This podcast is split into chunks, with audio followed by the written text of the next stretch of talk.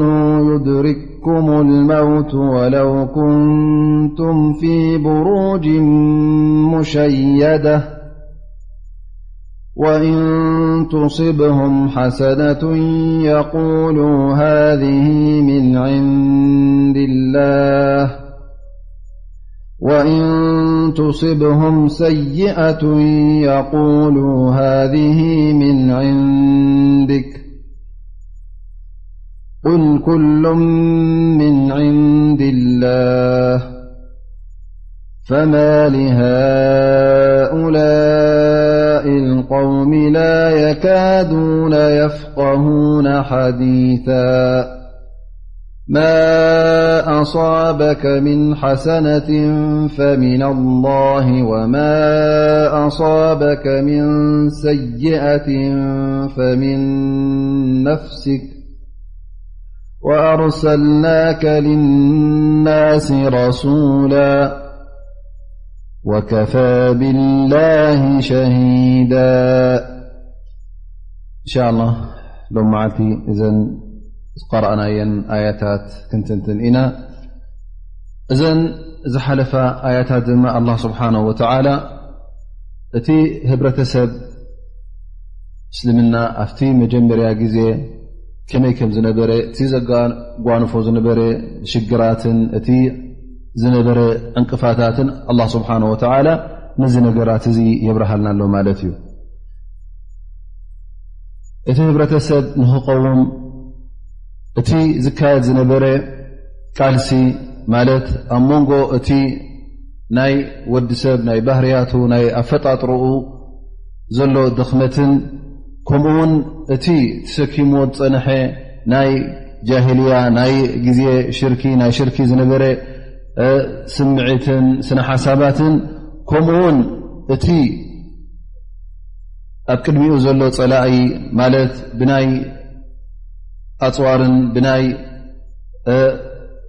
ብረትን ዝቃወሞ ዘሎ ፀላእን ነዚ ኩሉ ዕንቅፋት እዚ ኣላ ስብሓን ወተላ ኣብዚ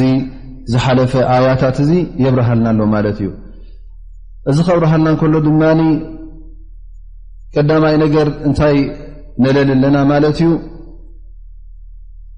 ነቲ ባህርያት ናይ ወዲ ሰብ እቲ ኣላ ስብሓን ወተላ ኣብ ወዲ ሰብ ዝፈጠሮ ተፈጥሮኣዊ ነገር ናይ ፍርሃት ይኹን ናይ ካልእ ዓይነት ስምዒት ኣብ ሙእሚን ይኹን ኣብ ሙሽርክ ይኹን ኣብ ዝኾነ ይኹን ፍጡር ዝርከብ ስምዒት ክንፈልጦ ከም ዘለና ነዚ እውን መፍትሒ ክንደልየሉ ከም ዘለና የብርሃልና ኣሎ ማለት እዩ ላ ስብሓን ወተላ እቲ እስልምና ክወርድ እንከሎ ናብ እእማን ኣይኮነን ወሪዱ ናብ መላእካ ኣይኮነን ወሪዱ ናብ መን ደኣ ናብ ደቂ ሰብ እዩ ወሪዱ እዚ ቁርን እዚ ድማ ነቲ ኣብ ውሽጢ ወዲ ሰብ ዘሎ ስምዒት ይኹን ስነ ሓሳብ ይኹን ንኩሉ መልሲ ንክረክበሉን ንኩሉ መፍትሒ ንክረክበሉን ኣላ ስብሓን ወተላ ነዚ ቁርን እዚ በብግዜኡ የውርዶ ነይሩ ነናትኡ መፍትሕን ነናቱ ፈውስን ነናቱ መድሃኒትን ድማ ይህቦ ነይሩ ማለት እዩ ስለዚ ትጠቕሰልና ኣያታት ቀዳማይ ነገር እንታይ ንፈልጥ ኣለና ማለት እዩ እቲ ናይ ወዲሰብ ተፈጥሮኣዊ ናይ ዝኾነ ይኹን ወዲሰብ ኣብ ኣፈጣጥርኡ ዝርከብ ባህርያት ንዕኡ ንርኢ ኣለና ማለት እዩ ኣብ ርእሲኡ ድማ ቁርን ነዚ ጉዳይ እዚ ከመይ ገይሩ ከም ዝፈወሶ ከመይ ገይሩ እውን ከም ዝሰገሮ እቲ ምልመላ ኣድላይ ዝኾነ እቲ ኣገባብ ክወስዶ ዘለዎ እንታይ ዓይነት ምልመላ ክኸውን ከም ዘለዎን ከመይ ጌርካ ውን እዚ ምልመላ እዚ ኣብ ደቂ ሰብ ክወርድ ከም ዘለዎን ነዚ ኣላ ስብሓን ወተዓላ ኣብዚ ዝቐረእናዮ ኣያታት እዚ ይሕብረና ማለት እዩ ከምኡ ውን ኣብ ርእሲኡ እንታይ ንርኢ ማለት እዩ እቲ ንሕና ዘለናዮ ኩነታትን እቲ ካልኦት ህብረተሰባት ዘለዎ ኩነታት እውን ንኩሉ ክንርዳእ ከም ዘለና እቲ ናይ ባህርያዊ ነፍስያዊ ናይ ሓደ ሓደ ፈሊጥካ ከምኡ ውን እቲ ኩሉ ናይ ህብረተሰብ ዘሎ ሕማማትን ናይ ህብረተሰብ ዘሎ ኣካይዳን ንዑ ውን ኩሉ ከተለልን ክትመምን ከለኻ ብድሕሪኡ እንታይ ትረክብ ማለት እዩ ነቲ ቁርን ወይ ከዓ ነቲ እትደልዮ ዘለካ ክትበፅሖ ሓሲብካ ዘለካ ሽቶ ነቲ ክተፅርዮ ሓሲብካ ዘለካ ህብረተሰብ እንታይ እንታይ ከም ዝጠቕሞ ትፈልጥ ማለት እዩ ቀዳማይ ነገር ነቲ ተፈጥሮኦ ባህርያት ን ኩሉ ምሰለለኻን ንኡ ምስ መመኻን ብድሕሪኡ እታይ እዩ እቲ ንኡ ዝኸውን ፈውሲ ትፈልጥ ማለት እዩ ذ ኣ ስብሓ ወ እቲ ኣብ ግዜ ነቢና ሓመድ ለ ه ለ ኣብቲ መጀመርያ እስልምና ዝነበረ እቲ ኣስላማዊ መስርዕ ኣብዚ ውሽጢ መስርዕ እዚ በቢ ዓይነቱ ሰባት ከም ዝነበሩ እቲ ኢማን እውን ኩሉ ሓደ ከም ዘይነበረ ገሊኦም ፅኑዕ እምነትን ፅኑዕ መርገፅን ሒዞም ክኸዱ ከለዉ ገሊኦም ድማ ሰንኳፍ ዝኾነ ኣብ ወሰን ፀድፊ ዝነበሩ ከምኡ ውን ሙናፍቒን ከም ዝነበሩ ኣላ ስብሓን ወተላ እንታይ ዓይነት ሰባት ነዚ እስልምና ዝቕበልዎ ከለዉ መን ዮም ነፂጎሞ መን ዮም ፅቡቕ ኣባቓባ ኣቀባበላ ገይሮም ተቐቢሎሞ መን ኦም ከ ብሓደ ኢዶም ነዚ እስልምና ሒዞም በቲ ሓደ ኢዶም ድማ ነቲ ክሕደት ሒዞም ንክልትኡ በትን በትን ጥቕሚ ንክረኽቡ ብደገ ብግዳሞም ኣስላም ሙእምኒን ተመሲሎም ብውሽጦም ድማ ክሓቶ ኮይኖም ካፍትን ካፍትን ረብሓን ጥቕመትን ንክረኽቡ ነዚ እስልምና እዚ ዝተጠቐምሉ እውን ከም ዝነበሩ ኣላ ስብሓን ወተላ እዚ ኩሉ ጉዳያት እዚ ይሕብረና ንኣብነት ኣብዚ ኣያታት እዚ እቶም ንዑ ጃሂዱ ምእንቲ እስልምና ኢልኩም ተቓለሱ ክበሃሉ እንከለዉ ንርእሶም ተሪፎም ካብቲ ጅሃድ ተሪፎም ንሱ ንኸይኣኽሎም እንደገና እውን ንኻልኦት ብፆቶም ይኹኑ ንዕኦም ካብ ጅሃድ ዘትርፉ ዝነበሩ እቲ ካብ ጅሃድ ምትራፍ እውን እንታይ ይሓስብዎ ነይሮም ማለት እዩ ረብሓ ይሓስብዎ ነይሮም ማለት እዮም እንተ ዘይጅሃዘ ተሪፉስ እንተ ምስቶም ሙጃሂድን ንክቃለስ ንዓውዲ ኩናት እተ ዘይወፀስ ከም ዝረበሐን ከም ዝኸሰበን ገይሩ ይሓስቦ ከም ዝነበረ ከም ዝኣመሰለ ሰባት ከም ዝኣመሰለ ሓሳባት ኣብቲ ግዜ ነቢና ሓመድ ስ ለ ሰለም ዝነበሩ ሰባት እውን ኣብ ከም ዝኣመሰለ ጌጋታት ከም ዝወደቑ ኣላ ስብሓን ወተላ የብርሃልና ከምኡ ውን እንታይ የርእየና ኣላ ስብሓን ወተላ ናይቶም ቀዳሞት ኣስላም ብርሃልና ከሎ ገለ ካብኣቶም ውን ኣብቲ ገና ኣብ መካ ከለዉ እቲ ዘጓንፎም ዝነበረ ፅቕጠትን ዘጓንፎም ዝነበረ ዓመፅን ንዕኡ ክርኢ ከለዉ ያ ረሱላ ላ እንተ ኮይና ኢና ሕና ሱቕ ኢልና ንህረምን ንቕጥቀጥን ዘለና ሱቕ ኢልና ንውፃዕ ዘለና ደይንዋግኦም ኢና እንታይ ከምኦም ሰብኡ ዘይኮናን ኢና እሞ ንሕናስ ቅድሚ ሕጂ ኣብቲ ክሕደትና ከለና ከምዚ ዝኣመሰለ ውርደት ወሪዱና ይፈልጥን እዩ ሙሽርኪን ከለና ከምዚ ዝኣመሰለ ውርደት ኣይወርደናን እሞ ስለምንታይ ሱቕ ኢልና ሕጂ ሰብ ኢማን ከለና ረቢ ምሳና ከሎ መገዲ ሓቂ ሒዝና ከለና ስለምንታይ ሱቕ ኢልና ንውፃዕ ኢሎም ኣብ ግዜ መካ ገና ነቢ ስ ሰለ ንመዲና ከይሃጀሩ ከለዉ ስለምንታይ ደይንዋጋ ኢሎም ይሓቱ ነይሮም ግን ዳሕራይ ንመዲና ህጅራ ምስ ኮነ ንመዲና ምስ ፈለሱ ብድሕሪኡ ኣላ ስብሓን ወተላ ናይ ጅሃድ ኣያታት ፈርዲ ምዃኑ ምስ ኣውረደ ገለ እዞም ሰባት እዚኦም እዞም ከምዚ ዝብሉ ዝነበሩ ካብቲ ጅሃድ ንድሕሪት ከድሓርሕሩ እውን ተረኺቦም ብሰንኪ ፍርሃትን ብሰንኪ እቲ ካብቲ ሞት ስለ ዝፈርሁ ማለት እዩ እዚ ሓደ ካብቲ ብቲ ግዜ ነቢና ሙሓመድ ለ ላ ሰለም ዝተረኽበ እዩ ማለት እዩ ኣላ ስብሓን ወተዓላ ድማ እንታይ የርእየና ገለ ሰባት እውን እቲ ር እቲ ሰናይ ካብ ኣላ ስብሓን ወላ ኢና ረኪብናዮ እቲ ፀጋ ይኹን ሽሻይ ካብ ኣላ ስብሓን ወላ እዩ ወሪዱና ይብሉ እተ ገለ ካብ ኣላ ስብሓን ወላ ን እተ ገለ ፊትና ወሪድዎም እተ ገለ ፅበት ወሪድዎም እንታይ ይብሉ ነይሮም ንነቢና ሙሓመድ ለ ላ ለ ወሰለም የልግብሎም ነይሮም እስኻ ካብ ትመፀና እስኻ ካብ ትኣትወና ብዚ ዓድናስ ጥሜት ኣትዩና ዕርቂ ኣትዩና ፍርሃት ኣትዩና ከምዚ ካብ ኩሉ ሰብ ንፈርህ ኣለና ሽግር ኣትዩና እናበሉ ናብ መን የፀግዕዎ ነይሮም ናብ ነቢና ሓመድ ص ሰለ እቶም ሙናፍቒን ማለት እዩ እቶም ኣይሁዳውያን እውን ንዕኦም እናደፍኡ ንነቢና ሓመድ ص ሰለ ምእንቲ ከፀልሙ ማለት እዚ ሰብኣይ እዚ ካብ ዝመፀኩም እንታይ ር ረኪብኩም መቕተልትን ማሕረትን እንታይ ፅቡቕ ረኪብኩም እናበሉ ሕጂ ነቶም ሙናፍቒን ንኦም ነቶም ሰብ ኢማን እውን ንኦም ካብቲ ዘለዎ ኢማም ንኸውፅዎም ይደፋፍዎም ነይሮም ማለት እዩ እታይ ደርእካ እዚ ሕጂ ሕማቕ ፋል ብነቢና ሙሓመድ ለ ላ ሰለም እና ከም ዘሎ ወይ ከዓ ከም ዝነበረ ይሕብረና ማለት እዩ ላ ስብሓን ወተዓላ ነዚ ኩሉ ጉዳያት እዚ ብቁርን ገይሩ ከመይ ገይሩ ከም ተኸናኸኖን ከመይ ገይሩ ፈውሲ ከም ዝረኸበሉን ከመይ ገይሩ መፍትሒ ከም ዝረኸበሉን ኣላ ስብሓን ወተዓላ በዚ ኣያታት እዚ ሕጂ ንረኽቦ ማለት እዩ ንኣብነት እቲ ቀዳማይ ፈውሲ ወይ ከዓ ተቀዳማይ ዕላጅ ዝሃበና ማለት እዩ ኣ ስብሓ ወላ መጀመርያ ም ሙእምኒን ክጥንቀቑ ከም ዘለዎም ኹዙ ሕድረኩም ኢሉ ካብቶም ኣብ ውሽጢ ዘለውን ኣብ ግዳም ዘለውን ካብ ኩሎም ፀላእትኻስ ክትጥንቀቕ ከም ዘለካ ውሽጣዊ ፀላእ ይኹን ግዳማዊ ፀላእ ይኹን እዞም ሰባት እዚኦም ካብኦም ክትጥንቀቕ ከም ዘለካ ኩሉ ግዜ እዚ ይሕብረካ ማለት እዩ ከምኡውን ነቲ ናይቶም ካብ ጅሃድ ተሪፎም ንካልኦት ን ዘትርፉ ዝነበሩ እዞም ሰባት እዚኦም እቲ ተሓሳስብኦም ክሳዕ ክንደይ ድኹምን ስኑፍን ሕማቕ ሓሳብን ከም ዝነበሮም እቲ ተሓሳስባናቶም ኩሎም ድማ ምስ ኣዱንያን ምስ ናይ ግዜያዊ ረብሓን ተኣሳሰረ ከም ምኳኑ ካብ ዓይና ንክወድቕ እውን እዞም ሰባት እዚኦም መን ከም ምኳኖም ኣላ ስብሓን ወተዓላ የብርሃልና ማለት እዩ ኣብ ርእሲ እዚ ድማ ነቶም ምእንቲ ኣላ ኢሎም ስብሓን ወተዓላ ዝቃለሱን ምእንቲ ኣላ ስብሓን ወተዓላ ኢሎም ህይወቶም ዘሕልፉን ኣብ ጅሃድ ግዜኦም ዘሕልፉን እንተ ሞይቶም ይኹን ወይ እውን እንተ ዓዊቶም ኩሉ ግዜ ናቶም ኣጅሪ ሕልው ከም ምዃኑ እተሞይቱ ብሸሃዳ ኣጅሪ ክረክብ እዩ እንተ ተዓዊቱ እውን ኣጅሪ ተደረበ ኣጅሪ ክረክብ እዩ በቲ ናይ ኣዱንያ መክሰብ ይረክብ ኒማ እቲ ዝረኽቦ ዘሎ ካብ ፀላኢ ንብረት ይኹን ዝኸስቦን ከምኡ ውን ኣብ ርእሲኡ እውን ኣጅሪ ከም ዘለዎ ኣላ ስብሓን ወተዓላ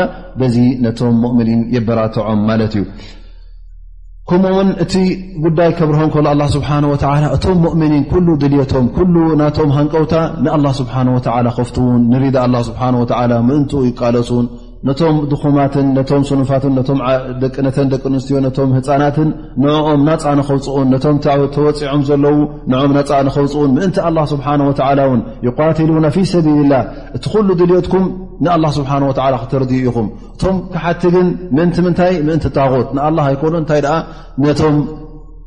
ትሑታት ዝኾኑ ፍጡራት ኣብ ትሕቲ ኣላ ስብሓን ወላ ዘለዉ ምእንትኦም ንዕም ንኸፍት ኢሎም ዝቃለሱ ንሸይጣን ኢሎም ዝቃለሱ እዮም ስለዚ እንታይ እዩ ዘርእየና ዘሎ ኣላ ስብሓን ወላ ነቲ ድልት ናይ ሙእሚን ክሳዕ ክንደይ ዓብ ምኳኑ ክሳዕ ክንደይ ልኡል ነገር ከም ምኳኑ እቲ ዝቃለሰሉ ጉዳይሲ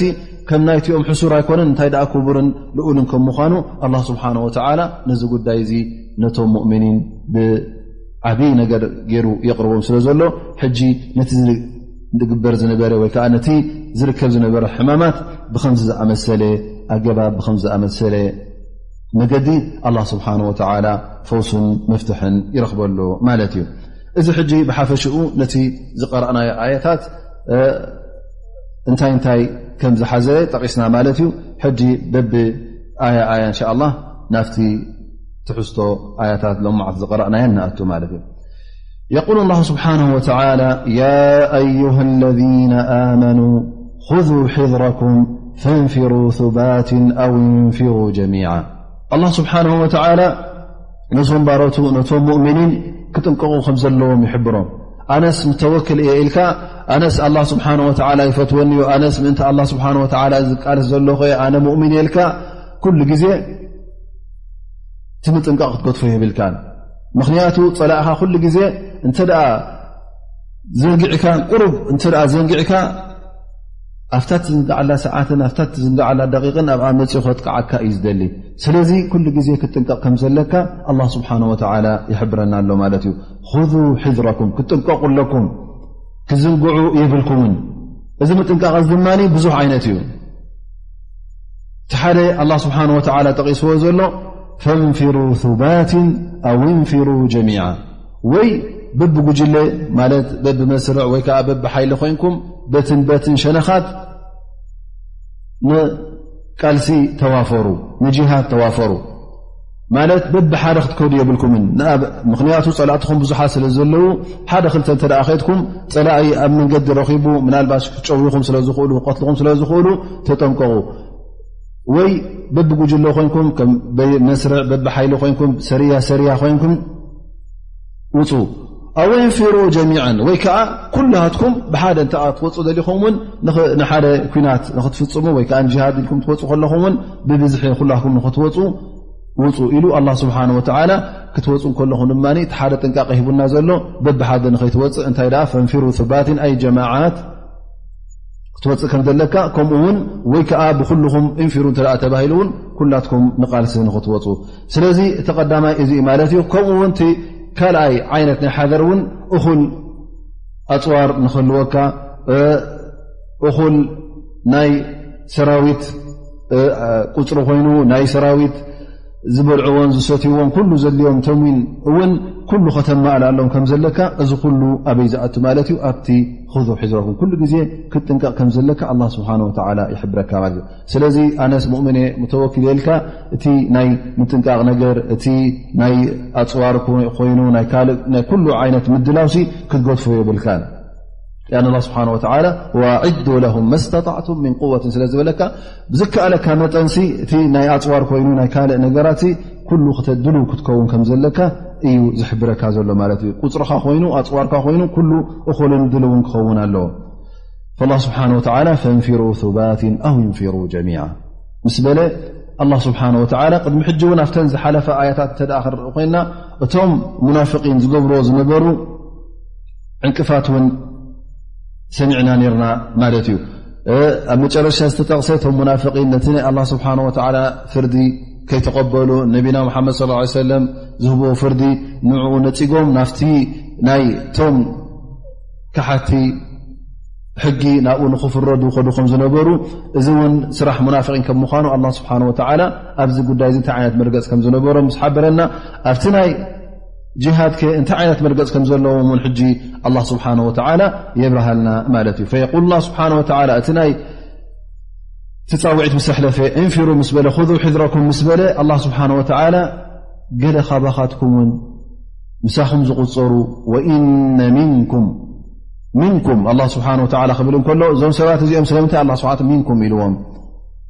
መፈስርየሎ ምንኩም ክብለካ ከሎ ሓደ ካባኻ ማለት እዩ ግን እዚኦም ካባኻ ቁፀሩ ከለዉ ብሓደ ወገን ወይ ብትውልዲ ሕውት ሕውነት ካባኹም ቀቢላኹም ካብቲ ዓድኹም ካብቲ ሃገርኩም ክኸውን ይኽእል እዩ ከምኡ ውን ምንኩም በቲ ኣስላም ኢና ከማኹም ኢና ስለ ዝብሉ ዘለዉ ካባኻትኩም እዮም ዝቁፀሩ እቲ ፀላእ ውን ክሪኦ ውን ከሎ ምሳኸም እዩ ዝቆፅሮም ሶም ን ንሕና ምሳኹም እዮም ዝበለዉ ንስኹም ውን ኣትብልቦም ዘሎ ኣይትፈልጥዎን ኢኹም ምሳኹም ኢና ስለ ዝበልኹም ሙእሚን ኢና ስለ ዝበልኹም እወ ምሳኹም ዘለዎ ኮይኑ ስለ ዝስምዕ ላ ስብሓን ወተላ ወኢነ ሚንኩም እብለና ኣሎ ማለት እዩ ወኢነ ሚንኩም ለመን ለዩበጢአን ዩበጢአና ማለት ኣልእብጣእ ኣብጣኣ ክትብል ከለኻ ደንጉዩ ማለት እዩ ግን ኣብዚ ሕጂ እንታይ ማለት እዩ ካብ ጅሃድ ዘድሓርሕርን ንድሕሪት ዝተርፍን ማለት እዩ ገለ ካባኻትኩም ኣለዉ ጅሃድ ፃውዒት ክግበር እንከሎ ንዑ ጃሂዱ ክበሃል እንከሎ ንዑ ነፊር ግበሩ ንዑ ፀላኢ ተዋግኡ ክበሃል እንከሎ እንታይ ይገብሩ እዞም ሰባት እዚኦም ነፍሶም የትሓርሕሩ ነፍሶም ሒዞም ክተርፉ ይደልዩ ማለት እዩ እዚ ጥራይ እውን ኣይኮነን ለዩበጢኣና ክልተ ትርጉም ክትበሃል ለዩበጢኣና ነፍሰሁ ወፊ ነፍሲ ወቅት ከምኡውን ለዩበጢኣና ይረሁ ነፍሱ ኮይኑ ከምኡ ውን ንኻልኦት ንጅሃድ ንኸይብገሱ ውን ንኽተርፉ ንዕኦም ውን ይቃለሶም ማለት እዩ ስለዚ እንታይ እዩ ዘርእካ ዘሎ ሕጂ ናቱ ዘንቢ ከይኣኽሎ ውን ኣብ ርእሲኡ ናይ ካልእ ሰብ ዘንቢ ይስከም ማለት እዩ ስለዚ ታኼር እሱ ክገብራ ይደሊ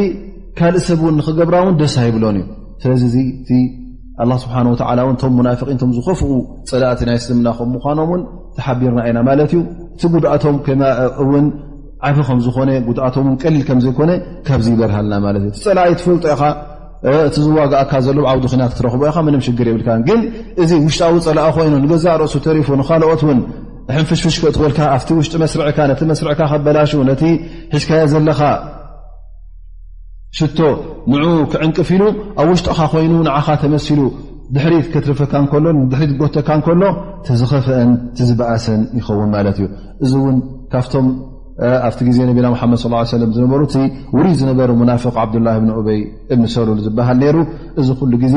ንነብሱ ተሪፉ ንካልኦት እውን ምክንያቱ ኣብቲ ህብረተሰብ ኣብቲ ቀቢላናቱ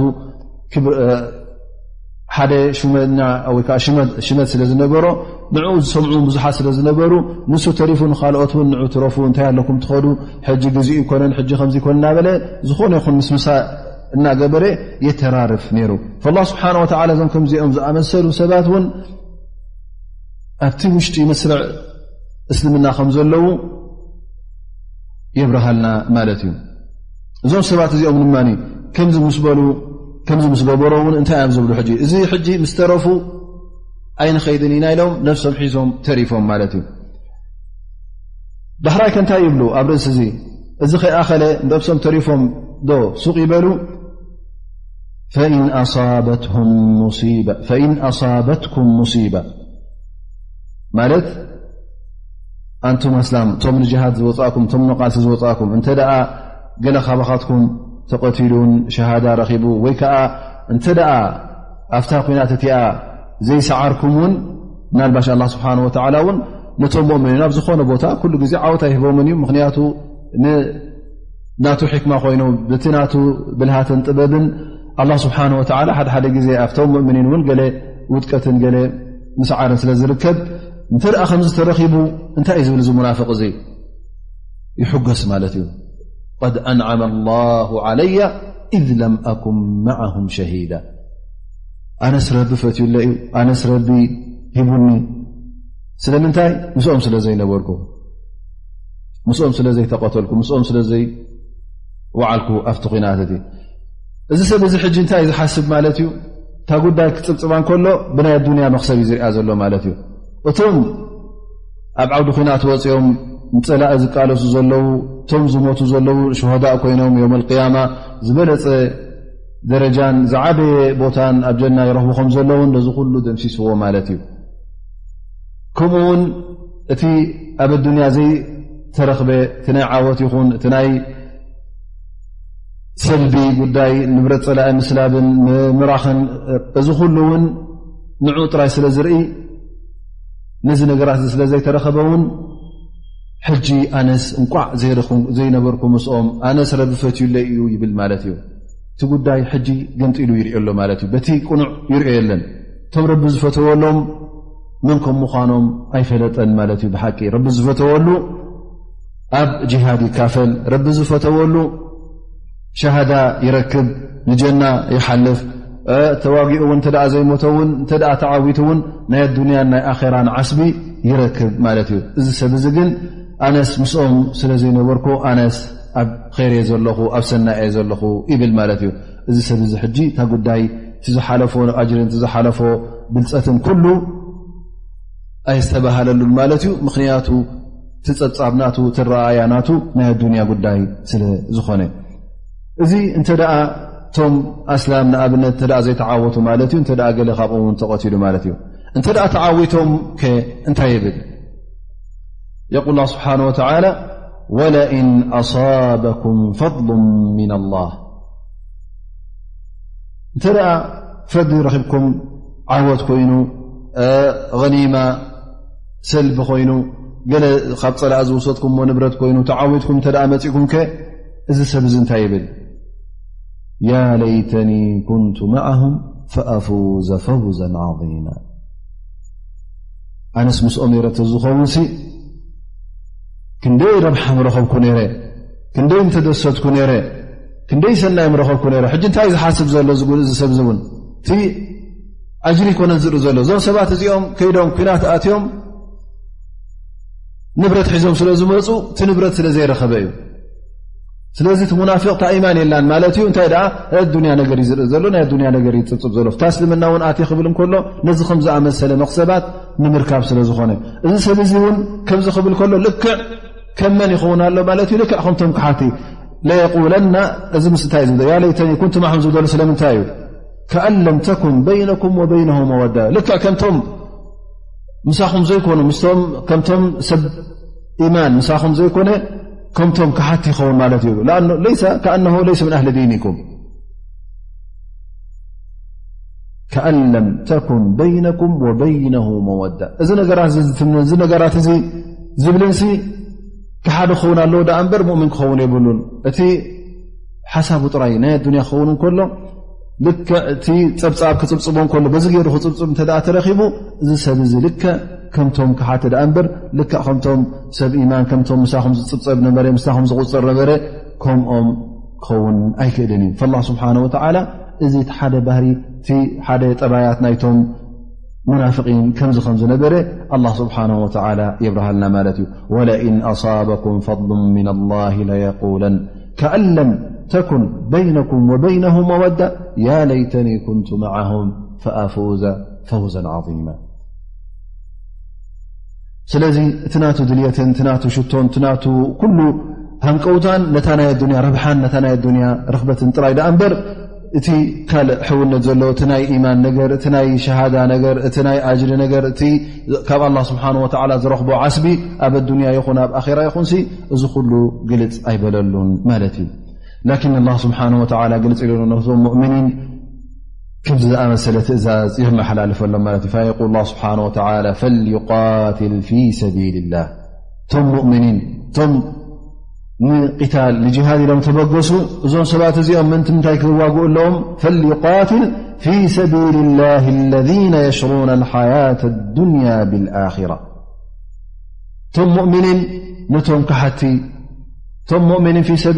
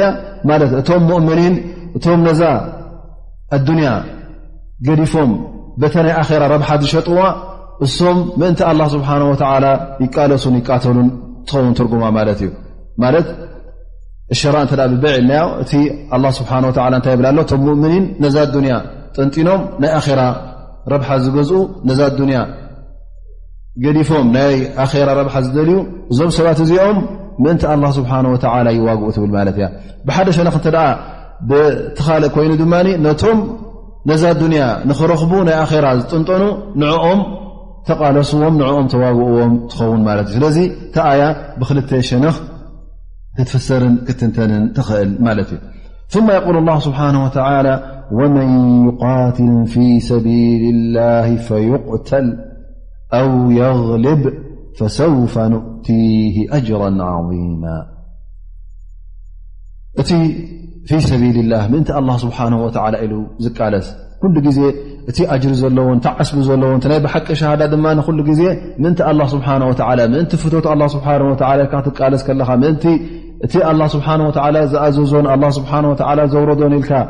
ንኡ ኣዛ ኣዱንያ ኣብዛ መሬት ንኡ ንምቋሚ ኢልካ ነታ ላኢላ ላ ሙሓመድ ረሱሉላ ትብል ቃል ንዓኣ ንምትካልን ንኣ ንምፅናዕን ኢልካ ከተዋጋእ ከለኻ እዚዩ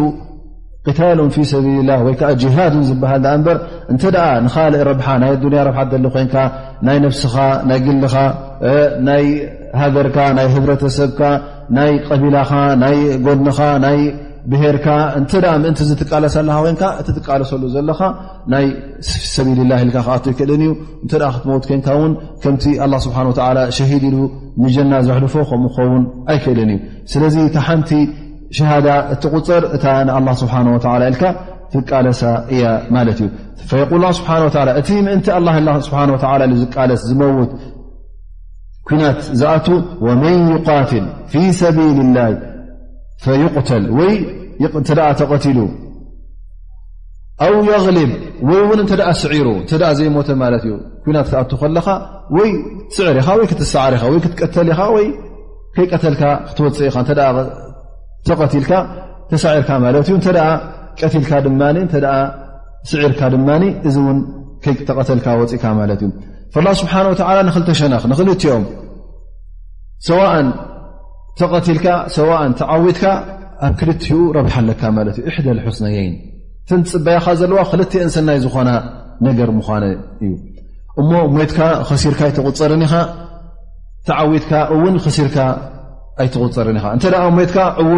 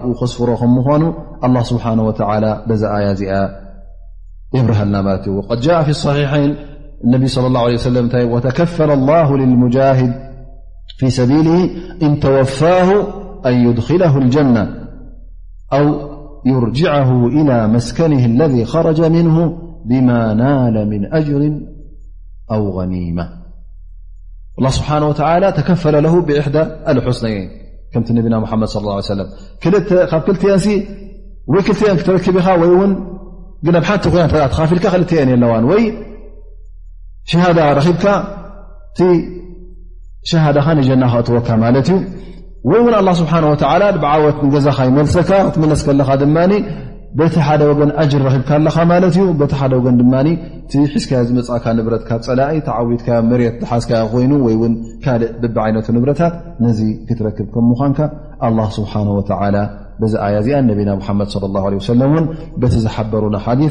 እዚ የብርሃልና ማለት እዩ ثመ የقል ላ ስብሓه ወላ ሙሓርዳ ብዝያዳ ድማ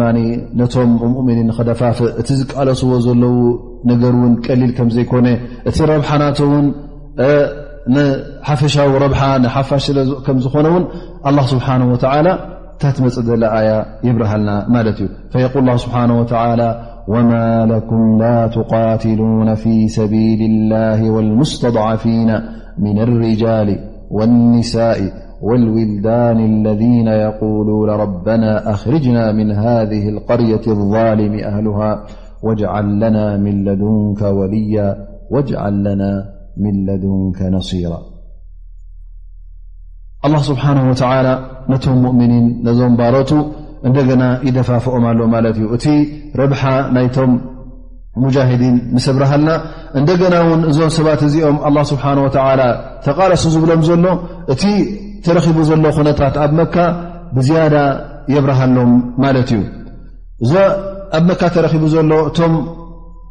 ኣብኡ ዘለዉ ሙእምኒን እቶም ካብ መካ ንመዲና ክሃጅሩ ክፈልሱ ዘይከኣሉ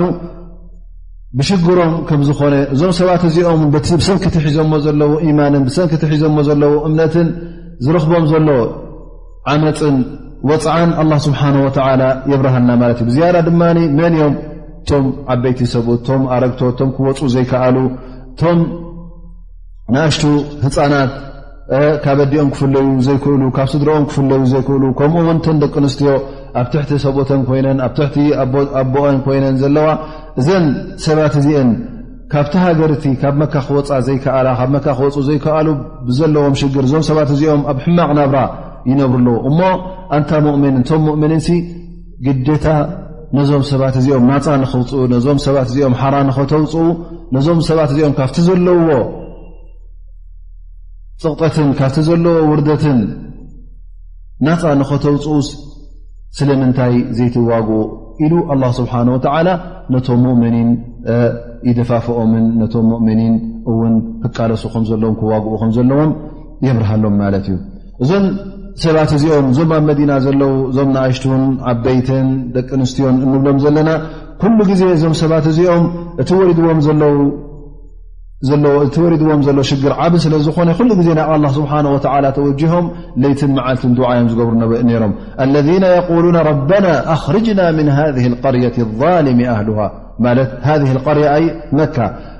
ካብ መካ ካብዛ ዓዲ እዚኣ እዛ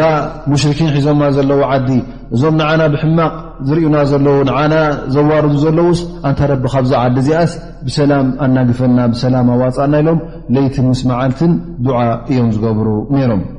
ኣብ ርእሲኡ እውን ነዚ ዱዓ እዚ ወጅዓል ለና ሚን ለዱንካ ወልየን ወጅዓል ለና ሚን ለዱንካ ነሲራ ኣንታ ረቢ ካባኻስ ሓደ ካብዚ ዘለናዮ ሽግር ዘውፅኣና ካብዚ ዘለናዮ ፀቕጢ ናፃ ኣውፅኡ ናብ ዓወት ዘሰጋግረና ካብዚ ዘለናዮ ሽግር እውን ኣውፅኡ ፅቡቕ ናብራን ፍትሓዊ ዝኾነ ናብራን ዘንብረና ካብዚ ዘለናዮ ዓመፅ ዘድሕነና ካባኻ ልኡኽ ልእኽካ ወይ ከዓ ካባኻ ሓደ ሰዲትካስ ነዚ ዘለናዮ ሽግር ዝፈትሓልና ኣንታ ረቢ ልኣኸልና ኣንታ ረቢ ስደደልና ኢሎም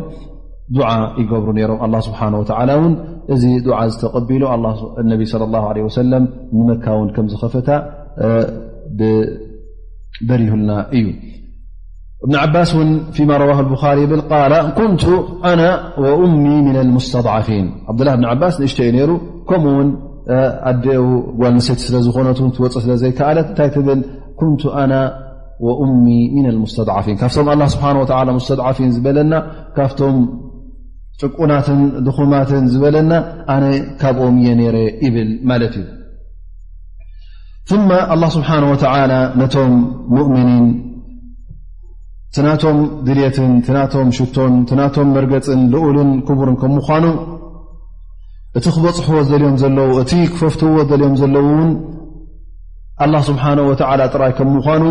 ኣብዛ ትመፅእ ዘላ ኣያ እውን የብርህ ማለት እዩ ፈየቁሉ ላ ስብሓን ወተላ ኣለذነ ኣመኑ ይቃትሉነ ፊ ሰቢል ላህ ስለዚ እቶም ምእንቲ ኣላ ስብሓን ወተላ ኢሎም ዝቃለሱ መን እዮም ሙእምኒን ጥራይ እዮም እምበር ክሓደ ፈፂሞ ምእንቲ ኣላ ስብሓን ወተላ ኢሉ ይቃለስን እዩ ከሓዲ ምእንቲ እቶም ሙእምኒን ካብቲ ዘለዎ ሕማቕ ናብራ ናብቲ ሰናይ ናብራ ንኽሰጋገሩ እውን ምእንትኦም ኢሉ እውን ኣይቃለስን እዩ ስለዚ እቲ ንኣላ ስብሓን ወላ ክፍቱ ኢሉ ዝቃለስ መን እዩ እቲ ሙእምን ጥራይ እዩ ላ ስብሓን ወላ ለذነ ኣመኑ ይቃትሉነ ፊ ሰቢል ላ ማለት ምእንቲ መን እዮም ምእንቲ ኣላ ስብሓን ወላ ድልቶም መን እዩ ኣላ ስብሓን ወላ ካብ መን እዮም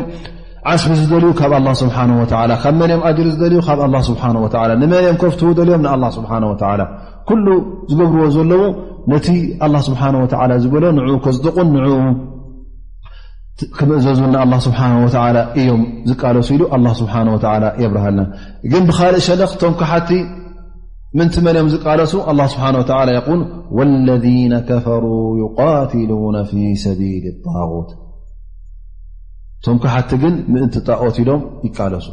እዚ ጣኦት እዚ ሰብ ክኸውን ይኽእል እዩ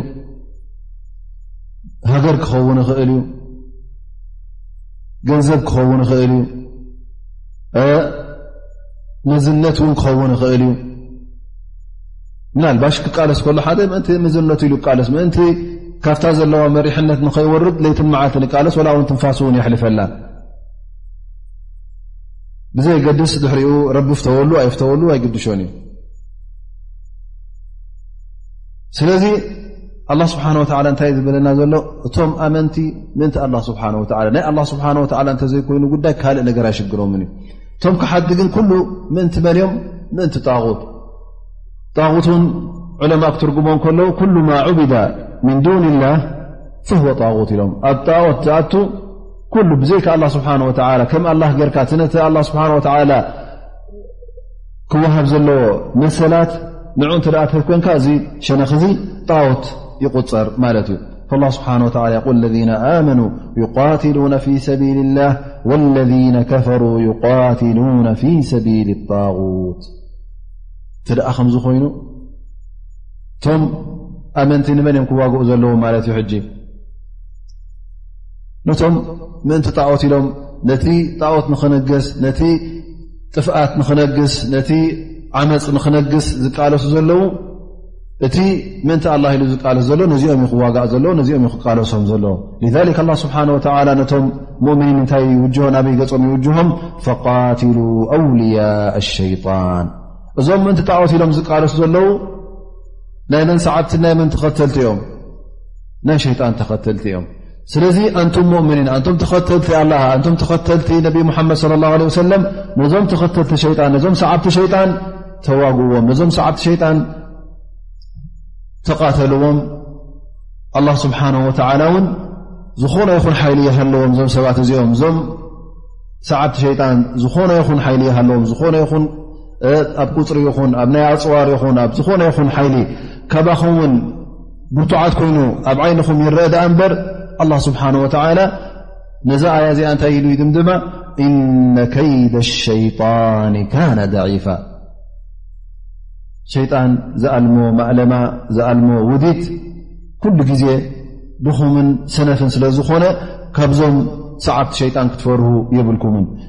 እቲ ኣብ ኢዶም ዘሎ ኣፅዋር እውን ከፍርሃኩም የብሉን ምኽንያቱ እስኹም ንኣላ ስብሓን ወተላ ንፈጣሪ ዓለም ኢኹም ሒዝኩም ዘለኹም እሶም ግን ሸይጣን እዮም ሒዞም ዘለዉ ስለዚ እቲ ሸይጣን ኣብ ትሕቲ ቁፅፅር ኣላ ስብሓን ወላ ስለ ዝኾነ እንተ ደኣ ብሓቂ መገዲ ኣላ ሒዝኩም ትኸዱ ኣለኹም ፈፂሞም እዞም ሰዓብቲ ሸይጣን ንዓኹም ከጥቅዑኹም ኣይክእሉን እዮም ፈፂሞም ውን ክስዕሩኹም ኣይክእሉን እዮም ምኽንያቱ ኣላ ስብሓን ወላ ኢነ ከይደ ሸይጣን ضዒፋ ስለ ዝበለ እበር ነቢ صለ ላ ለ ወሰለ ቲ ዝኣተዎ ኩናት ዝወዓልዎ ቃልስን መጥቃዕትን ኩሉ ብፀብፃብ ናይ ቁፅሮም ይኹን ወይ ከዓ ብናይ ኣፅዋር ዝነበረ ካብቶም ኣብ ቅድሚኦም ዝነበሩ ካሓቲ በሊፆም ኣይኮኑን እንታይ ደኣ ኣላ ስብሓን ወተላ እዩ ኣዓዊትዎም ኩሉ ግዜ ፀላኦም ክልተ ዕፅፊ ሰለስተ ዕፅፊ ክሳዕ ዓሰርተ ዕፅፊ ንበፅሕ ነይሩ ግን እቲ ሒዞሞ ዝነበሩ መርገፅን እቲ ሒዞሞ ዝነበረ ኢማንን ቅኑዕ ኢማንን ቅኑዕ መርገፅን ስለ ዝነበረ ኣላ ስብሓን ወተዓላ ወላ ዝሃለወ ይሃለዎ ነቲ ፀላኣይ ሓይልን ኣፅዋርን ኣላ ስብሓን ወተዓላ ነቢና ሙሓመድ ኮይኑ ነቶም ድሕሪኦም ዝነበሩ ሰዓብቶም ነቲ ኮለፋ ራሽዲን ንኩሎም ኣላ ስብሓን ወተዓላ ካብ ዓወት ናብ ዓወት የሰጋገሮም ነይሩ ግን ንሕና ብድሕሪኡ ነቲ ኢማና ወይ ከዓ ነቲ ዲና ቀጥ ኣቢልና ስለ ዘይሓዝናዮ ከምቲ ኣላ ስብሓን ወላ ዝኣዝዘና ቀጥ ኣቢልና ስለ ዘይሰዓብናዮ እቲ ዕንቅፋትን እቲ ስዕረትን ናባና ክወርድ ጀሚሩ ማለት እዩ ስለዚ እቲ ጠንቅን እቲ ሽግርን ኩሉ ካባና ዩ ዳኣ እንበር ፀላኢ ካባና ሓይሉ ይኮነን ፀላኢ ካባና በርቲዑ ይኮነን ፀላኢ ኣላ ስብሓን ወተላ ንዕኡ ፈት ይኮነን ግን ንሕና እቲ ኣላ ስብሓን ወተላ ዝሃበና መርገፅን ትዝሃበና ዲንን ትዝሃበና ትእዛዛትን ንኩሉ ቅጥ ኣቢልና ስለ ዘይሓዝናዮ ንሕና ኩሉ ግዜ ኣብ ስዕረትን ኣብ ስንፈትን ንርከብ ማለት እዩ ስለዚ እዚ እንታይ ዘርእየና ኣላ ስብሓን ወተላ እንተ ደኣ ብሓቂ ነቲ ዝሃበና መንገዲ ቅጥ ኣቢልና ካብቶም ፊ ሰብልላ ዝቃለሱ ዝበሎም ብልክዕ ልብና ኣንፅህናን ልብና ኣፅሪናን እክላስ ንኣላ ስብሓን ወላ ገርና እተ ተቓሊስና ፈፂሙ ኣብ ቅድሚ ኣስላማይ ኣብ ቅድሚ ሙእምን ዝኾነ ይኹን ሓይሊ ዝኾነ ይኹን ፀላኢ ደው ክብል ከም ዘይኽእል ኣላ ስብሓን ወላ በዛ ኣያ እዚኣ እነ ከይደ ሸይጣን ካነ ضዒፋ ኢሉ በዛ ኣያ እዚኣ ኣ ስብሓ ወላ ኣብሪሁልና እዩ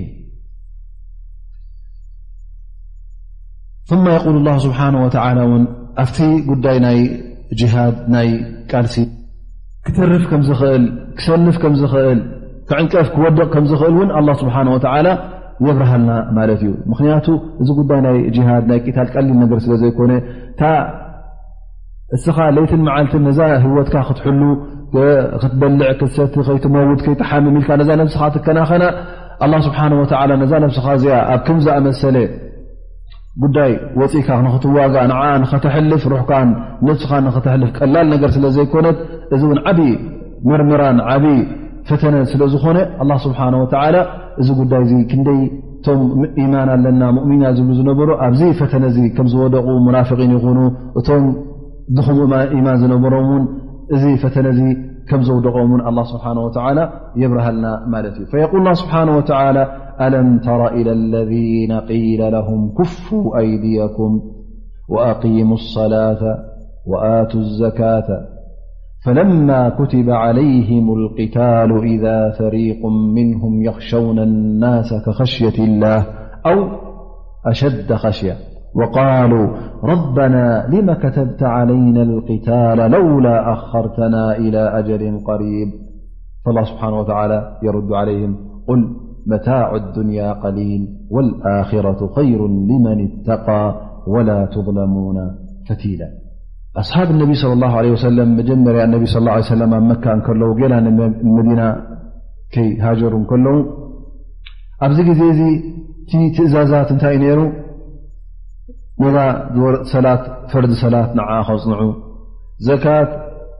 ከክንደይ ከም ድውሃብ ኣይተወሰነን ነይሩ ግን እንተ ነቶም ድኻታት ኮይኑ ነቶም ዘኽታማት ኮይኑ ንዕኦም ሰናይ ንክግበር ብሓፈሽኡ ዘካት ይበሃል ነይሩ ሽዑ ማለት እዩ ሰናይ ይግበር ነይሩ ነቶም ድኻታት መዋሳ ትግበረሎም ነይሩ ማለት እዩ ስለዚ ነቶም ሙሽርኪን ውን ወላ እውን እናዓመፅዎም እንከለዉ ወላ እውን እናሸገርዎም እንከለዉ ዓፉ ክብልዎም ክምሕርዎም እዮም ተኣዚዞም ነይሮም ዝኾነ ይኹን ሽግር እተ ኣጓኒፍዎም ን እ ዝኾነ ይኹን ፀቕጢን ጉድኣትን ኣጓኒፍዎም ውን ነዚ ጉዳይ እዚ ብምንታይ ብትዕግስቲ ክሰግርዎ ከም ዘለዎም ትእዝ ተኣዚዞም ነይሮም ማለት እዩ ግን ገለ ካብቶም ሙእምኒን እዚ ነገር እዚ እውን ኣሸጊርዎም ማለት እዩ ማለት ገለ ሰባት ኣለው እንተ ፀቕጢ በዚሕዎም ፀቕጢ እተ ተረኪቡ እቲ ፀላኢ ኩሉ ግዜ የሸግሮም ኩሉ ግዜ ይጎድኦም ስለ ዝነበረ ከምቲ ዝበልናዮ ዓንተቦይ ገለ ካብኣቶም እሕናስ ሙሽርኪን እንከለና ከም ዝኣመሰለ ሽግር እውን ኣየጓነፈናን ንእምንን ንሰነምን ንምስልን እናሰገድና ከለና ከም ዝኣመሰለ ሕስረት እውን ኣየጓነፈናን እሞ ሕጂ ሙእምኒን ኮይና ብኣላ ስብሓን ወተላ እናኣመና ሙተወክሊን ካብ ሞት ኣይንፈርህ እንቶሜትና ንጀና ኢና እናፈለጥና ከለናስ ስለምንታይ ኣብ ዘለናዮ ውርደት ንቕፅል ኢሎም ናብ ነቢና ሙሓመድ ለ ላ ለ ወሰለም ይመፁ ማለት እዮም ያ ረሱላ ላ ብሎ ሕናስ እዚ ኩሉ ትሪኦ ኣለካ ጓኒፉና እሞ ስለምንታይ ዘይንዋግኦም እዞም ኣህሊ መካ እዞም ሙሽርኪን ሲ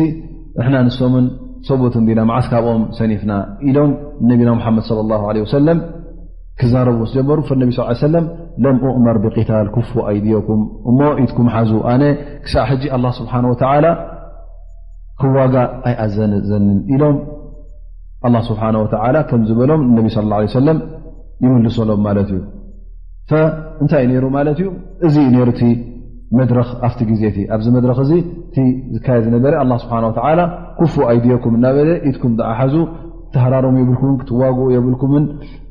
እታ ትእዘዝዋ ዘለኩም ነታ ሰላትኩም ቀጥ ኣቢልኩም ሕዙ ዘካት ዝወፅ ተ ኣለኩም ገንዘብ ኮይኑ ቶም ድኻታት ዓንግሉ ኢሉ ኣላ ስብሓን ወተላ ከም ዝኣመሰለ ትእዛዝ መሓላሊፉሎም ነይሩ መድረኽ ናይ መካ ሓሊፉ ናበይ ይመፅ ማለት ይሽዑ ንመዲና እቶም ሙእምኒን ካብ መካ ንመዲና ይሰግሩ ንመዲና ምስ ሰገሩ ኣላ ስብሓን ወተላ መዲና ምስ ሰገሩ ሽዑ እዩ እቲ ጅሃድ ተኣዚዙ ማለት እዩ ኣብዚ ሰዓት እዚ ኣላ ስብሓን ወተላ ጅሃድ ምስ ኣዘዘ ፈለማ ኩትበ ዓለይህም ልቅታል ቅድም እንታይ እዮም ዝብሉ ነሮም ስለምንታይ ንዋጋ እንታ ኮይና ኢና መዓስ ሰኒፍና ኢና ኢሎም ሕጂ ለይትን መዓልቲ ነቢና ሓመድ ስ ሰለም እናመፁ ይዛረቡ ነይሮም ሕጂ ግን ኣብ መካ ኣብ መዲና ምስ መፁ ኣላ ስብሓን ወተላ ነቲ ናይ ጉዳይ ጅሃድ ምስ ኣውረዶ ፈርዲ ከም ምዃኑ ምስ ኣውረደሎም እዞም ሰባት እዚኦም ወይ ገለ ካብኣቶም ሕጂ ኩሎም ኣይኮኑን ግን ገለ ካብኣቶም ቶም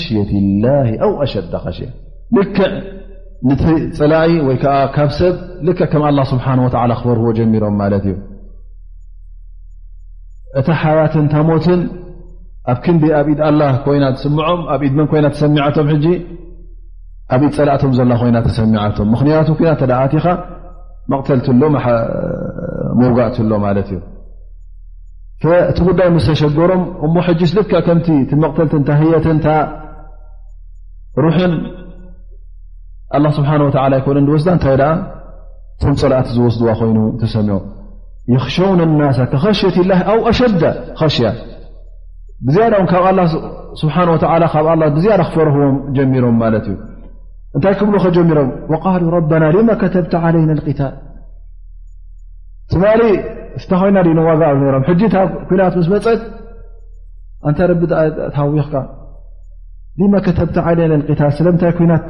ንክንዋጋ ኣዚዝካና ኢሎም ክዛረቡ ጀ እዚ ሕጂ እንታይ ዘለ ነፍስያት ናይ ወዲ ሰብ ዘርእና ዘሎ ወዲ ሰብ ሓደሓደ ሰዓት ኣብ ገለገለ እዋናት ኣብ ገለገለ ሸነኻት ገለ ክብል ፀኒሑ ፅባሕ ንታ ምስ ተረኸበት ተሓቂ ምስ መፀት ሽዑኡ እ ኣነ መዓስ ከምዚኣ መሲላትን ኢሉ ዘረባ የብዙሕ ዳኣ እምበር ኣብ ግብሪ ክትሪኦም ከለኻ ግብሪ ዘረባን በበይኑ ከም ምዃኑ የብርሃልና ማለት እዩ ስለምንታይ ኣላ ስብሓን ወተዓላ ግን ኣብ መካን ከለዉ ክዋግኡ ዘይኣዘዞም ብ ዑለማ ኣላ ስብሓን ወተዓላ ኣብ ቁርን እዝን እዝን እዝን ስለ ዝተረኽበ እዩ ኣይበለናን ነቢይ ስለ ላ ለ ወሰለም እውን እዝን እዝን ስለ ዝነበረ እዩ እውን ኣይበለን ግን ዑለማ በቲ ዝነበረ ናይ ታሪክ ነቢና ሓመድ ለ ላ ለ ሰለም እቲ ታሪክ ናይቶም ሙሽርኪን ሲራ ሪኦም ብድሕሪኡ ተረኸበ ስጉምትታት ብትሕሪኡ ተረኽበ መድረኻት ንኩሉ ምስ ረኣዩ ነቲ ነትን ትውፅኢታት ን ኩሉ ምስ ረኣይዎ ብድሕሪኡ ነዚ መልሲ ሂቦም ማለት እዩ ላ ስብሓን ወላ ቀዳማይ ነገር ምናልባሽ እቲ ኣብቲ ግዜ እቲ ኣላ ስብሓን ወላ ኩናት ንክኽፈት ዘይተኣዘዘ ቀዳማይ ነገር ምናልባሽ ይብሉ እቶም ሙእምኒን ውሑዳት ስለ ዝነበሩ ቁፅሮም ብዙሕ ስለ ዘይነበረ ምናልባሽ እዚ ሓደ ክኸውን ይኽእል እዩ ወይ እውን እታ ዝነበርዎ ዓዲ በለድላ ሓራም ስለዝኾነት መካ ቤትላ ሓራም ስለዝኾነ ኣብ ቤትላ ሓራም ን ኩናት ንክግበር ቤት ኣሚን ስለዝኾነ ኣማን ዝረክበሉ ሰብ ኩናት ዘይብሉ ቦታ ስለዝኾነ እቶም ሙእምኒን ኣብዚ ቦታ እዚ ኩናት ንክጅምሩ ፅቡቕ ስለ ዘይኮነ ኣላ ስብሓን ወተላ ኣደንጉዎ ማለት እዩ ባዕሎም እቶም ሙሽርኪን ተጀሚሮም ሽዕኡ ኣላ ስብሓን ወተላ ነቶም ሙሽርኪን እቲ ናቶም መቕፃዕቲ ንክወርዶም ኢሉ ምናልባሽ ይኸውን ይብ ኣብ ርእሲኡ እውን ካልኦት ዕለማእ ዝወሰኸዎ እውን ኣሎ ማለት እዩ ይብሉ እዚ መድረኽ እዚ እቲ መድረኽ ኣብ መካ ዝነበረ መድረኽ ናይ ምልመላ እዩ ነይሩ መድረኽ ናይ ምድላው እዩ ነይሩ ላ ስብሓን ወተላ ገና እቲ ህብረተሰብ እስልምና ሓድሽ ስለ ዝነበረ እዚ ህብረተሰብ እዚ ክምልመል ኣለዎ ክምልመል እንተ ኮይኑ እውን ብዙሕ ሽግራት ክሕልፍ ኣለዎ ኣብቲ ፅንዓቱን ኣብቲ ሰብርናቱን እውን ክምርመርን ክፍተንን ኣለዎ ስለዚ እዛ ቢኣ ወይ ከዓ እዛ መካ እታ ዘለዎ ዓዲ እቲ ዘለዎ ሰዓታት እቲ ዘለዎ ኩነታት ምቹእ ኩነታት ስለ ዝኾነ ፈተነቲ ኣላ ስብሓን ወተዓላ ኣብዚ ሰዓት እዚ ወይ ከዓ ኣብዚ እዋን እዚ ነቶም ፊት ኮይኖም ወይከዓ ነቶም ናይ ፊት ወረርቲ ክኾኑ ንፅባሕ ንግሆ ነቲ እስልምና ኣብ ቅድሚት ኮይኖም ክቃለስሉ ዘለዎም ሰባት ኣላ ስብሓን ወተላ ኣብዚ ሰዓት እዚ እዞም ሰባት እዚኦም ግዴታ ብመርመራ ክሓልፈ ዝኾነ ይኹን ወተሃደር እተ ሓደ ሰብ ወተሃደር እተ ተኸቲቡ ኩናት ክኣተወ ከሎ እንታይ እዩ ዝግበር ንታዕሊም እዮም ዝሰድዎ ታዕሊም ወስድ ማለት እዩ እዚ ልክዕ ሕጂ ጌና እቶም ሙእምኒን ኣብ ኩናት ከይኣተዉ ከለዉ ኣብ ዝኾነ ይኹን ቃልሲ ከይኣተዉ ከለዉስ ጌና ክምልመሉ ስለ ዘለዎም ናይ ታዕሊም ሰዓታት እዩ ነይሩ ይብሉ ካልኣይ ሰበብ እውን ምናልባሽ ይብሉ ዕለማ ካብቲ ኣስባብ እውን እንታይ ይጠቕሱ ኣብቲ ሰዓት እቲ ኣላ ስብሓን ወተላ እቲ ዳዕዋ ብሰላማዊ ኣገባብ ክኸይድ ብኩናት ዘይኮነስ ብሰላማዊ ኣገባብ ክኸይድ ዝወሰኖ እቲ ተእሲር ንቁሬሽ ዝበለፀ ብናይ ሰላማዊ ኣገባብ ክኸውን እዩ ነይርዎ ምኽንያቱ ቁሬሽ እንታይ እያ ትርኢ ነራ እሳ እታ ዝበርትዐትን እታ ዝሓየለትን እታ ዝነፈዐትን ቀቢላ ኣብቲ ህብረተሰብ ናይ ዓረብ እሳያ ትረአ ነራ ማለት እዩ እንተ ደኣ ዝኾነ ይኹን ሸነኽ ክዋጋኣ መፅኡ ፈፂማ ደው ኣይትብልዮ ነራ ግዴታ ነዚ ሸነኽ እዚ እንታይ እያ ትገብሮ ነራ ትወቕዖ ኣለዋ ምኽንያቱ እሳ ካብተን ዓበይቲ ቀቢላታት ካብተን ደይትድፈር ስለ ዝኾነት ስለዚ እዚ ገባብ እዚ ወይ ከዓ እዚ ናይ ዕኑፍ እዚ ሕጂ ኣብዚ ሰዓት እዚ ምስ ቁረሽ ዝሰማማዕ ስለ ዘይነበረ እቲ ቐንዲ ዝሰማምዓ ሕጂ ብሰላማዊ ኣገባብ ክኸይድ ከሎ ሰብ ዳዕዋ እናካየደ ከሎ ክቐትልዎ ከብሎን ሴፍ ከየልዓለሎም ከሎ በትሪ ከየልዓለ ከሎ ክቐትልዎ ሕጂ ንቁረሽ ንገዛእ ርእሱ ንዓ ሓበን ኣይክስምዓን እዩ ምክንያቱ እተ ነቶም ኣስላም ቀትሎሞ እተ ሃሪሞሞም እቲ ሰብ ን እንታይ ክብሎም እዩ ወደ ሓንቲ ኩናት ኣይኮነን ስቁልኩም ይኹም መፅእኩም ከይሃረኩም ከሎ ከይተዋግእኩም ከሎ ቀትዮ ስለዚ እቲ ዝበለፀ ኣሰር ወይከዓ ዝበለፀ ፅልዋ ክርከብ ዝከኣል ናይ ዳዕዋ ብሰላማዊ ኣገባብ ክኸይድ ስለዝኾነ ኣብቲ ናይ ቁሬሽ እዚ እዩ ነይሩ ይብሉ ከምኡ ውን ኣላ ስብሓን ወተላ ምናልባሽ እቲ ዝግብር ዝነበረ ኣንፃር እስልምና ውዲት ኣንፃር እስልምና ኣንፃር እቶም ኣስላም ዝካየድ ዝነበረ ዕንቅፋት ውሱናት ሰባት ወይ ከዓ ውስንቲ ሸነክ ኣይኮነት እንተካይደ ነይራ እንታይ ደኣ ኣቦ ንወዱ ሓው ንሓዉ ሓው ንሓፍቱ ስለ ዝኾነ እዚ ጉዳይ እዚ ኣብ ዝኾነ ስድራ ቤት እዩ ተረኪቡ ነይሩ ማለት እዩ እንተ ደኣ ኩናት ክለዓል ኮይኑ ኣበየ ስድራ ቤት ክለዓል ማለት እዩ ስለዚ እቲ መቕተልቲ ኣብ ውሽጢ ስድራ ቤት ሕንፍሽፍሽ ክኣትዎ ስለ ዝኾነ ኣላ ስብሓን ወላ ምናልባሽ ኣብዚ ሰዓት እዚ ንዚ ነገር እዚ ክርከብ ኣይደለየን ይኸውን ከምኡውን ልዓል ላ ስብሓን ወተላ እቲ እስልምና እዞም ሎም መዓልቲ ኣንፃሩ ደው ኢሎም ነዚ እስልምና ዝቃወምዎ ዘለዉ ፅባሕ ንጎቶም ዝነፍዑን እቶም ዝበርትዑን ምእንቲ እስልምና ዝቃለሱን ዝሞቱን እዞም ሰባት እዚኦም ስለ ዝኾኑ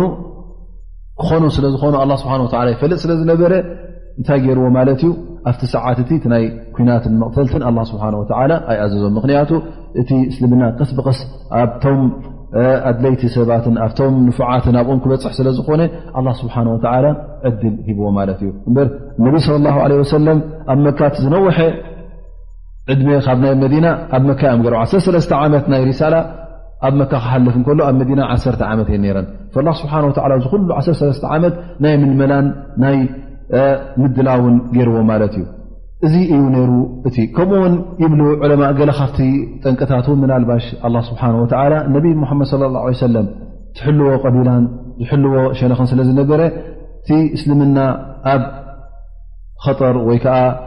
ኣብ ሕማቕ መድረኽ ኣይበፅሐን ነይሩ ኣብ መጨረሻ ውን መቕተልቲ ምስ ተፈተነ ኣላ ስብሓን ወተላ ነቢና ሓመድ ስ ሰለም ክሃጅር ከም ዘለዎ ኣዚዝዎ ማለት እዩ ስለዚ እተን ዝነበራ 1ሰለስተ ዓመታት ገና እቲ ናይ መቕተልቲ ፈተና ነቢና ሓመድ ሰለ መተፈተና ከይተገብረ ከሎ ነቢ ሙሓመድ ለ ሰለም ኣብ ከምዝኣመሰለ መድረክ ኣይበፅሐን ነይሩ ስለዚ እታ ዳዕዋ ኣብ ሕማቕ ቦታ ወይ ከዓ ኣብ ኸጠር ኣይበፅሐትን ኣብ ኸጠር ስለ ዘይበፅሐት ኣላ ስብሓን ወተላ ቂታል ንክግበር ኣይኣዘዘን ይብሉ ስለዚ እንታይ እዩ ዘርእየና ኣላ ስብሓን ወተላ እቲ መጀመርያ መድረኽ ዝነበረ መድረኽ ናይ ምድላውን መድረኽ ናይ ተርብያ ናይ ምልመላ ስለ ዝነበረ እዩ እዚ ኩሉ ተመልሚሎም ውን እዚ ኩሉ ሓሊፉ እውን ትርኢ ኣለኹም ብድሕሪ እዚ ኩሉ ዓመታት እውን ኣላ ስብሓን ወተላ ኣብ መዲና ናይ ጅሃድ ፈርዲ ከም ምዃኑ ኣያ ምስ ኣውረደ እውን ገለ ካብኣቶም እውን ነዚ ፈርዲ እዙ ከም ዝኸበዶም ንሪኦ ኣለና ማለት እዩ ፈየቁሉን ሊማ ከተብቲ ዓለይና ልታል ለውላ ኣኸርተና ኢላ ኣጀልን ሪብ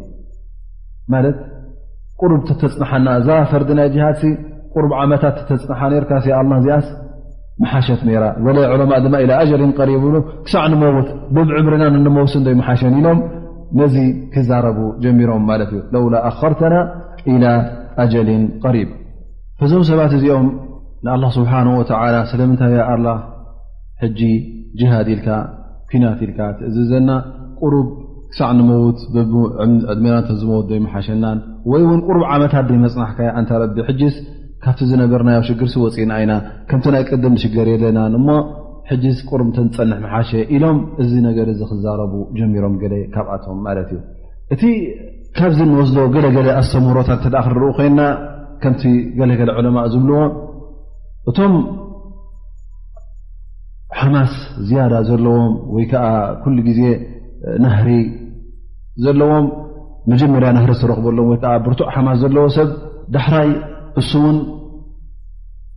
እቲ ቀልጢፉ ዝሰንባድን ቀልጢፉ እውን ካብቲ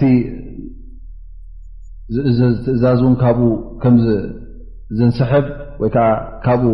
ከም ዘፅልቕ የርእየና ማለት እዩ እዚ ምናልባሽ ኣብቲ ነብሲ ወዲ ሰብ ዘሎ ማለት እዩ ንኣብነት ገለ ሰባት ትሪኦም ህዉኻት እንዲፋዕ ኣለዎ ሓማስ ኣለዎ ግን ኣብ መጨረሻ እንተ እታ ጉዳይ ኣብታ ሓቂ እተ በፂሓ እቲ ግብራዊ ሸነኽ እተ በፂሓ መጀመርያ ንሱ ሰንባድን ንሱ ድሕሪት ተመላስን ትረኽቦ ይብሉ ካልኣይ ምናልባሽ እውን ይብሉ እቲ ሓማስ ዝያዳ ዘለዎ እቲ ኩሉ ግዜ ተሃውሩ ዘለዎ ሰብ እውን ምናልባሽ እዚ ሓሳብ እዚ እዚ ምጉያይ እዚ እዚ ታህዋኽ እዚ ካብ ዝግልካ ዘይምሕሳብ ክኸውን ይኽእል እዩ ምኽንያቱ ዳሕራይ እንታይ ክርከብ እዩ እንታይ ከጓንፍ እዩ ዝብል ሓሳብ ስለ ዘይብሉ እቲ ናይ ግዜያዊ ሽግር ስለ ዘጥቅዖ ናብኡ ስለ ዘተኩር ቲ ድሕሪኡ ዝመፅእ ስለ ዘይርኢ ምናልባሽ እዚ ሰብ እዚ ኩሉ ግዜ ክህወኽ ትረኽቦ ማለት እዩ ነታ ናይ ሕጂ ንዓ ጥራይ ፈውሲ ንክረኽበላ ፅባሕ ንጎ እንታይ ይርከብ እዚ ብዘየገድስ ስለዚ ከምዝኣመሰለ ሰብ ን ክኸውን ይኽእል እዩ እዚ ከምዚ ኢሉ ዝጠልብ ይብሉ ወይ እውን እዚ ከምዝኣመሰለ ሰብ ዝጠልብ እንታይ ስለ ዝኾነ እዩ ይብሉ ምናልባሽ ሰብ ብቢዓይነቱ እዩ ኣሎ ሰብ ጸቕጥን ውርደትን ሽግርን እናረኸቡ ከሎ ነዚ ጉዳይ እዚ ብሰብሪ ክሕልፎ ዝኽእል ኣሎ ሰካሚ ዝኾነ ሰብ ነዚ ነገራት እዚ እናበለ ዝስከሞ ገለ ሰባት ግን ቀልጢፎም ዝንድሩን ቀልጢፎም ዝቁጥዑን ይኾኑ ማለት እዩ ስለዚ ነቲ ዝወርዶ ዝነበረ ሽግራት ንኡ ክስከም ስለ ዘይከኣለ ንኡ ብሰብሪ ፅንዓት ከጥቅዖ ስለ ዘይከኣለ እንታይ ይገብር ማለት እዩ ናበይ ይኸይድ ነቲ ዘሎ ጉዳይ ንክፈትሕ ናይ ግድን ክንቀሳቐስ ከም ዘለዎ ናይ ግድን ነዚ ጉዳይ እዚ ክምልሰሉን ክብድሆን ከም ዘለዎ ይቃለስ ማለት እዩ እዚ እውን እቲ ዝመፅ ዘሎ ወይ ከዓ እቲ ብድሕሪኡ ዝርከብ ሽግራት እቲ ብድሕሪኡ ዝርከብ ነገራት ንዑ ስለ ዘየፅንዐ ነዚ ነገር እዚ ነዚ ነገር እዚ ንክገብርን ንክጠልብን ትረኽቦ ማለት እዩ ስለዚ ምናልባሽ እውን እዞም ኣብ መካ ዝነበሩ ይብል ይብሉ ዑለማ እቲ ኣብ መካ ዝነበረ ፅቕጠትን ውርደትን እሱ ስለ ዘጥቅዖም ነዚ ነገር እዚ ክስከምዎ ስለ ዘይከኣሉ እንታይ ጠሊቦም ግዴታ ክዋግኡ ከም ዘለዎም ክንዋጋ ከም ዘለና ክንምልሰሎም ከም ዘለና ከምዚ ኢልና ክንነብር የብልናን ከምዚ ኢልና ክንዋረድ የብልናን ኢሎም ክዛረቡ ጀሚሮም ዳሕራይ ንመዲና ምስ ከዱ እቲ ዝነበረ ፀቕጠትን ዝነበረ ሽግርን ዝግ ምስ በለ ሕጂ እንታይ ኮይኑ ተሰሚዕዎም ሕጂስ ኩናት ንክኽፈት ኣድላየ ከም ዘይኮነ ምክንያቱ እቲ ዘብሎም ዝነበረ ንናት እንታይ እዩ እቲ ወሪድዎም ዝነበረ ሽግር እቲ ዝወሪድዎም ዝነበረ ፀቕጢ እሞ እሱ ካብ ከደስ እንታይ ዝህውካ ኣሎ ወይ ከዓ ንኣብነት ሕጂ ንናት ንክንኣቱ ኣድላይ ኣይኮነን ወላ እውን ክፀንሕ ኣለዎ ወይ ከዓ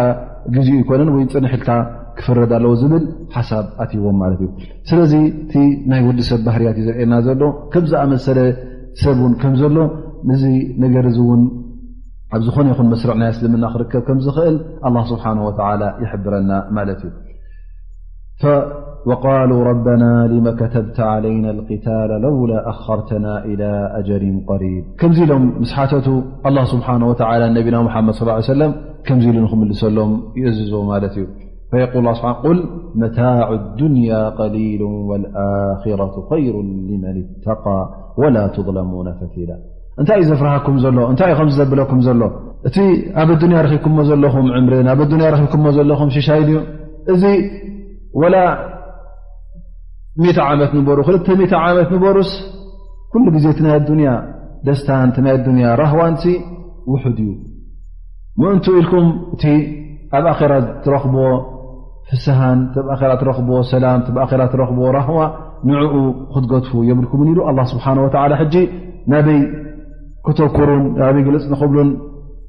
ይውጅሆም ኣሎ ናፍቲ ናይ ዮም ያማ ዝርከብ ቁል መታዕ ዱንያ ቀሊል እዛ ዱንያ ግልፅ ክትብልዋ የብልኩምን ወላ ሓንቲ የብልናን ናበይ ድኣ ግልፅ ክትብሉ ኣለኩም ናፍ ናይ ኣራ ናፍቲ ናይ ረቢ ዝፈትወልኩም ናፍቲ ጀና ዘእትወኩም ናፍቲ ኣጅሪ ትረኽብሉ እዚ ታል እዚ ኩናት ተኣዚዙኩም ዘሎውን ምእንቲ ምንታይ እዩ ምእንቲ ነዛ ያ ነዛ ረሳሓ ዱንያ ገዲፍኩም ናፍቲ ዝበለፅን ናፍቲ ዝሓሸን ቦታ ንክትሓልፉ ዝበለፀ ኣጅሪ ንክትረኽቡ እዩ ኣላ ስብሓን ወላ